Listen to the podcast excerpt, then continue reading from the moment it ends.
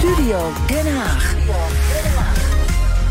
Minister Christiane van der Wal gaat gewoon door, tussen aanhalingstekens, met haar stikstofplannen. Dat zegt ze na het turbulente Kamerdebat, waarin vannacht een groot deel van de oppositie het vertrouwen in Rutte en zijn kabinet opzegde. Maar goed, de provincies moeten dat stikstofbeleid van Van der Wal uitvoeren.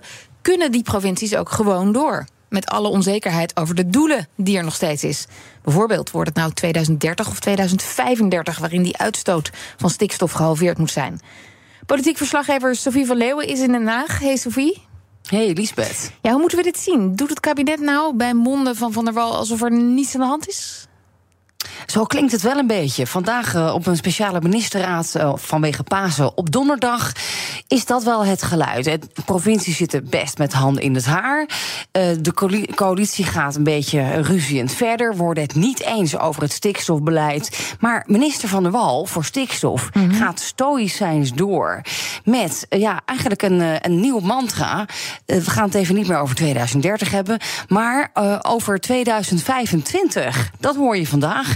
Een tussentijdse deadline uit het rapport van het advies van Johan Remkes, de bemiddelaar. Luister even naar de minister van der Wal. Hier staat gewoon een minister die aan het werk is. En uh, ook de afgelopen weken vooral aan het werk is met nu. En uh, ik focus me ook echt alleen op nu. En uh, richting 2025 dat tussenstationnetje. En dat is waar ik echt mee bezig ben. En ik ben bij heel veel gebiedsprocessen, bij heel veel boeren. En die eigenlijk allemaal zeggen, we willen nu starten. Nou, dat is ook nodig om dat eerste tussendoel te halen in 2025. Maar vooral ook om echt nu ja, werk te maken met natuurherstel. Zodat we ook weer die vergunningen kunnen verlenen. Aan de slag, zegt minister Van der Wal na de ministerraad vandaag. En ja, is dit nou helder of is dit nou oh, toch weer heel verwarrend, zo'n nieuwe datum 2025? Minister-president Rutte die sprak er uh, net eventjes over in de wekelijkse persconferentie, ook speciaal op donderdag. Een impasse? Wel, nee, zegt Rutte. Als dat zo zou zijn, dan zou natuurlijk de zaak anders liggen. Maar die impasse is er niet. Uh, we kunnen gewoon door nu met de maatregelen. We kunnen door met de stikstofreductie. We kunnen door met uh, het zo snel mogelijk ook in uitvoering brengen van de uitkoopregelingen voor boeren die willen stoppen. Uh, voor piekbelasters, andere regelingen. We kunnen ook zo snel mogelijk door met de uitkomsten van de gebiedsprocessen die de provincie. Dus er is niks aan de hand in Den Haag, hmm. hoor. Is het uh, geluid vanuit uh, het kabinet vandaag. En de provincies, die moeten nu maar eens aan de bak. Nou, laten, laten, we dan praten met die provincies. Want bij ons is ook Jaap Stalenburg van de Partij van de Arbeid. Hij is statenlid in de provincie Friesland. Goedemiddag. Goedemiddag. Ja, u hoort het, u moet sturen op 2025, vijf jaar eerder, aan de bak dus. Ja, ik vind het zo langzaam één grote kermisvoorstelling. Dit kabinet is volledig uitgeregeerd. Want kijk, we hebben nu een aantal, we hebben Rutte gehoord, we hebben Van der Wallen gehoord. Nou hadden we ook eigenlijk Hoekstra nog moeten horen. En die had weer een heel ander verhaal verteld. Mm. Je wil alles on hold. Dus ja, wij zitten, de Prins, ik zeg niet met de handen in het haar, maar om hier nu beleid op te kunnen voeren, de komende weken beginnen de onderhandelingen, bijvoorbeeld hier over een nieuw collegeakkoord voor de komende jaren. Waarin de Partij van de Arbeid uh, best moeilijke discussies zal moeten voeren, wellicht met de BBB over, over stikstofbeleid. Nou, wij weten, wij weten de kaders niet. Wij weten, er komen heel veel woorden uit Den Haag, veel, maar geen concreet beleid. Wij hebben behoefte in de provincie aan een hele duidelijke ja. kaders, duidelijke wetgeving. Maar, dat we duidelijk weten waarover we afspraken maken. Wij, wij spreken hier ook gedeputeerden uit andere provincies. En die zeggen bijvoorbeeld: Nou, wij houden ons gewoon aan de wet. Want daar in die stikstofwet staat gewoon stikstof halveren in 2035. Nou, dat is een beetje ook wel de stemming hier. Voor ons is ook voor de Partij van de Arbeid is die. We willen uiteraard, we willen wel dat de wet volledig wordt nageleefd inhoudelijk. Maar wij, voor ons is ook die. die ja, je moet ergens uitkomen. Kijk, je kunt, de gebiedsprocessen zijn aan de gang. Gebiedsprocessen lopen goed. Daar zijn ook, behalve de boeren praten daar ook, zit een natuurorganisatie mm -hmm. bij het bedrijfsleven.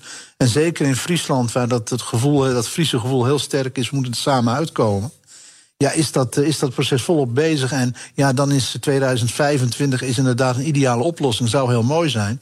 2030, nou ja, dat is ook prima. Maar als, het, als, maar als we tot een goede afspraken kunnen komen en het wordt 2035, dan moet dat maar. Ja, en dat staat in de wet. Maar wat heeft u nu precies nodig uit Den Haag om aan de bak te kunnen?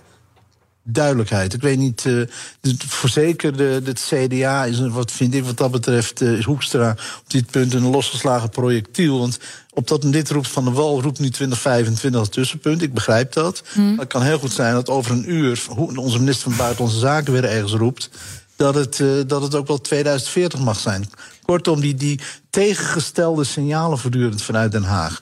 Dat is ook overigens ook de oorzaak dat uh, de Partij van Arbeid en GroenLinks uh, de motie van wantrouwen tegen het kabinet hebben gesteund. Dat is zo ongelooflijk irritant als je, het, als je beleid moet maken buiten Den Haag. Ja, maar, maar, toch, meneer Stalenburg, u haalt nu weer het CDA erbij. Dat is toch het verschil tussen politiek bedrijven en besturen. We hebben nu een bestuurder, een minister, die zegt nu gewoon 2025. We moeten gewoon naar de minister luisteren en niet naar die politieke partijen in de Kamer. Nou, er is een andere minister. Het is heel goed mogelijk dat er morgen een interview met Wopke Hoekstra weer in de Ja, maar dat is een buitenlandminister. Die dat gaat hier helemaal niet over, meneer Stalenburg. U moet toch gewoon naar onze landbouwminister ja, luisteren? Jawel, dat is absoluut waar. En ik, ik, zou, ik zou wensen dat dat inderdaad uh, zo blijft. Maar het, kabinet spreekt op dit onderwerp. Dat is het verwarrende. Laten we dat breder maken. Spreekt gewoon niet met één mond. En dat is voor de provincies buitengewoon irritant en vervelend. En hoe kijkt u dan naar dat debat? Dat heeft u vast gevolgd van gisteravond. Waarin uh, ja, het kabinet Rutte 4 voorlopig gewoon aanblijft. En misschien wel het uh, regeerakkoord wil openbreken. Ja, kijk, het punt is, iedereen focust zich nu op de stikstof. Maar gisteren in het debat kwam heel nadrukkelijk aan de orde... dat er voor de provincie nog wel een hele hoop andere problemen liggen... waar het kabinet uh, mee aan de bak kan. Dat, uh, dat varieert van het vervoer op het platteland... aanrijdtijden bij, bij ziekenhuizen, noem maar op. Politieposten die sluiten. Het is een heel groot pakket... En wat dat betreft kan Rutte eigenlijk zijn hele regeerakkoord opnieuw gaan schrijven. Want de problemen zijn heel groot. Kijk, wij hebben een hele moeilijke beslissing genomen als Partij van de Arbeid om met de BBB te gaan onderhandelen over een nieuw collegeakkoord. Is ons niet in dank afgenomen. We doen dat ook zonder GroenLinks. Maar we willen wel dat de zaken waar mensen grote zorgen over maken op dit moment. dat die opgelost gaan worden, dat die aangepakt gaan worden. Daar hebben we ook het kabinet voor nodig. Meneer Stalenburg, uh, Sofie uit Den Haag hier. Uh, ja, jullie zitten ruzie te maken met GroenLinks in Friesland. Begrijp ik dat goed? Joh, de linkse maak, wolk maak gaat uit elkaar. Ruzie. Nou, de, hier in Friesland uh, even geen linkse wolk. Maar ja, dat heeft te maken met uh, zoals een formatieproces kan verlopen. Kijk, de, de informateur Bossert, uh, Kamerlid voor het SGP, heeft een inventarisatie gemaakt. En dat bleek dat wij voor GroenLinks geen eerste keus waren. En uiteindelijk ook andere partijen hadden, niet heel, hadden geen duidelijke voorkeur voor GroenLinks. Dus is de conclusie getrokken dat er nu een, een motorblok van CDA, Partij van Arbeid en ChristenUnie de komende vier jaar hier, een, uh, hier maar jullie En BBB. Dus uit, ja, en BBB met 14 zetels. En jullie worden dus uit elkaar Ja, gespeeld... is terwijl eigenlijk de partij wil gaan fuseren. Bijna. Ja, nee, kijk, dat is, het, dat is het eeuwige misverstand. Kijk, ik persoonlijk ben wat rood-groener dan de rest van de provincie. Maar laten we zo zeggen, het wordt in, eh, het speelt, dit speelt in Overijssel en Drenthe met name ook. De, het rood- het rood-groen wordt ook wel eens heel erg als een... eh, ja, toch wel gezien als iets wat van de Randstad en van ver weg. Het leeft hier, het leeft zeg maar boven Zwolle veel minder dan in de Randstad. Er zijn, ja, hier staan we gewoon naast elkaar en soms besturen we met elkaar. Maar we zijn het ook regelmatig met elkaar oneens. Overigens hebben we prima relaties met GroenLinks, maar het is niet zo dat we hier nou morgen de vlag uithangen als er een fusie komt. Ja, Ah. maar eh, het is nogal wat. Eh, straks, u zegt u met BBB in het bestuur niet onteigenen. No way. Terwijl GroenLinks roept wel onteigenen. Dat vind ik nogal een cruciaal punt. Nou ja, wij eh, het is helemaal niet gezegd dat wij gaan zeggen dat er niet onteigend mag worden. Er is nog niet onderhandeld.